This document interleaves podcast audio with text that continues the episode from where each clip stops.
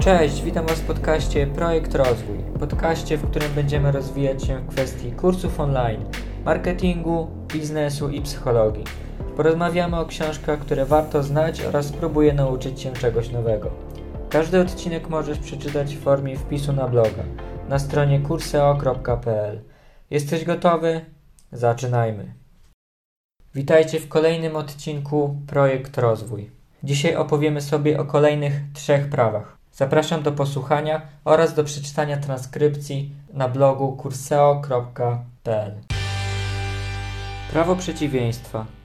Jeżeli zmierzamy do drugiego miejsca, to naszą strategię wyznacza ten, kto zajmuje pierwsze.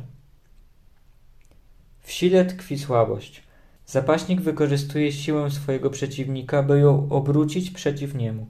Podobnie może uczynić firma. Jeżeli chcemy się umocnić na drugim miejscu, to przeanalizujmy sytuację firmy znajdującej się przed nami. Na czym polega jej siła? W jaki sposób przekształcić tę siłę w słabość? Musimy odkryć, na czym polega istota przywódcy, a następnie przedstawić potencjalnemu klientowi jej przeciwieństwo. Inaczej mówiąc, nie starajmy się być od niego lepsi. Starajmy się być inni.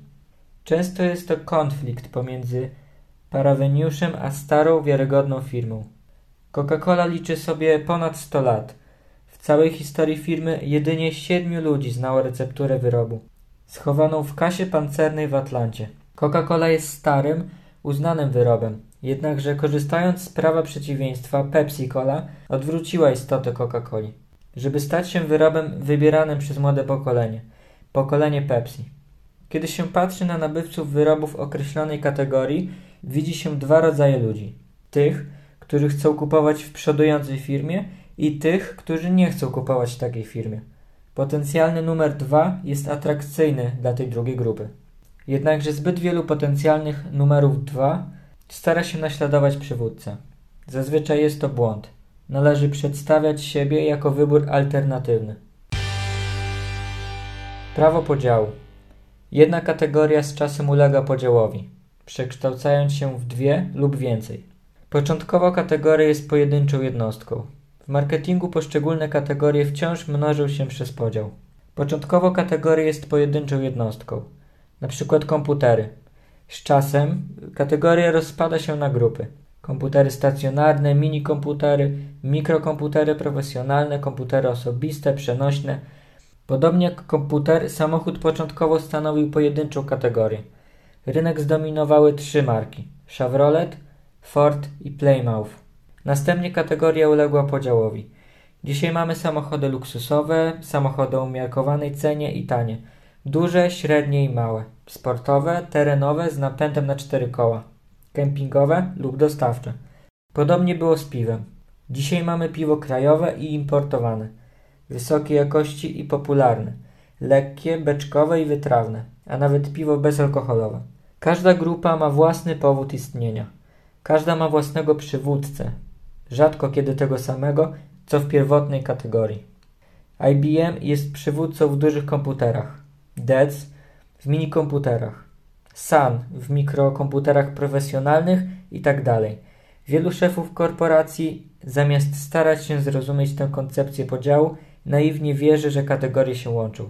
Kategorie się dzielą, a nie łączą. Przywódca może utrzymać swoją dominację stosując inną markę do każdej pojawiającej się kategorii.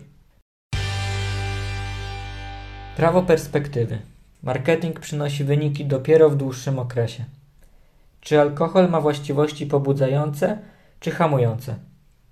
Kiedy odwiedzamy jakikolwiek bar czy restaurację w piątek wieczorem po pracy, moglibyśmy przysiąc, że alkohol jest środkiem pobudzającym. Hałasy i śmiechy są przekonującymi dowodami na pobudzające właściwości alkoholu. Jednakże, kiedy o czwartej rano zobaczymy, jak kilku klientów barów odsypia na chodniku swoje przyjemne chwile, moglibyśmy przysiąc, że jest środkiem o działaniu hamującym. Z chemicznego punktu widzenia alkohol działa silnie hamująco, jednakże na krótko, osłabiając samokontrolę pijącego, działa nań pobudzająco. Wiele działań marketingowych wywołuje podobne zjawisko. Skutki długookresowe stanowią dokładne przeciwieństwo skutków krótkookresowych. Czy wyprzedaż zwiększa obroty firmy, czy je zmniejsza? Oczywiście, w krótkim okresie wyprzedaż zwiększa obroty. Jednakże praktyka pokazuje, że w długim okresie wyprzedaże zmniejszają obroty, gdyż uczą klientów, żeby nie kupywali po normalnych cenach. Pomijając fakt, że coś można kupić taniej, co wyprzedaż mówi potencjalnemu klientowi? Otóż mówi, że normalne ceny są zbyt wysokie. Po zakończeniu wyprzedaży klienci skłonni są unikać sklepu, który zbyt często je organizuje.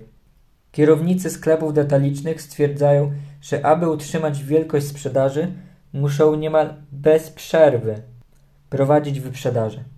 Kiedy idzie się ulicą handlową, nierzadko można zobaczyć w oknach wystawowych kolejnych kilkunastu sklepów wywieszkę wyprzedaż. Przejedzenie przynosi krótkotrwałe zadowolenie, ale w długim okresie powoduje otyłość i depresję. W wielu innych dziedzinach życia wydawanie pieniędzy, zażywanie narkotyków długookresowe skutki naszej działalności są dokładnie odwrotne niż krótkookresowe. Dlaczego zatem tak trudno jest zrozumieć, że w marketingu wyniki uzyskuje się w dłuższym okresie czasu? To były kolejne trzy prawa marketingu. Niebawem opublikuję listę kolejnych praw. Jeśli chcesz przeczytać transkrypcję tego odcinka, zapraszam Cię na bloga kurseo.pl. Dziękuję za uwagę, pozdrawiam, cześć.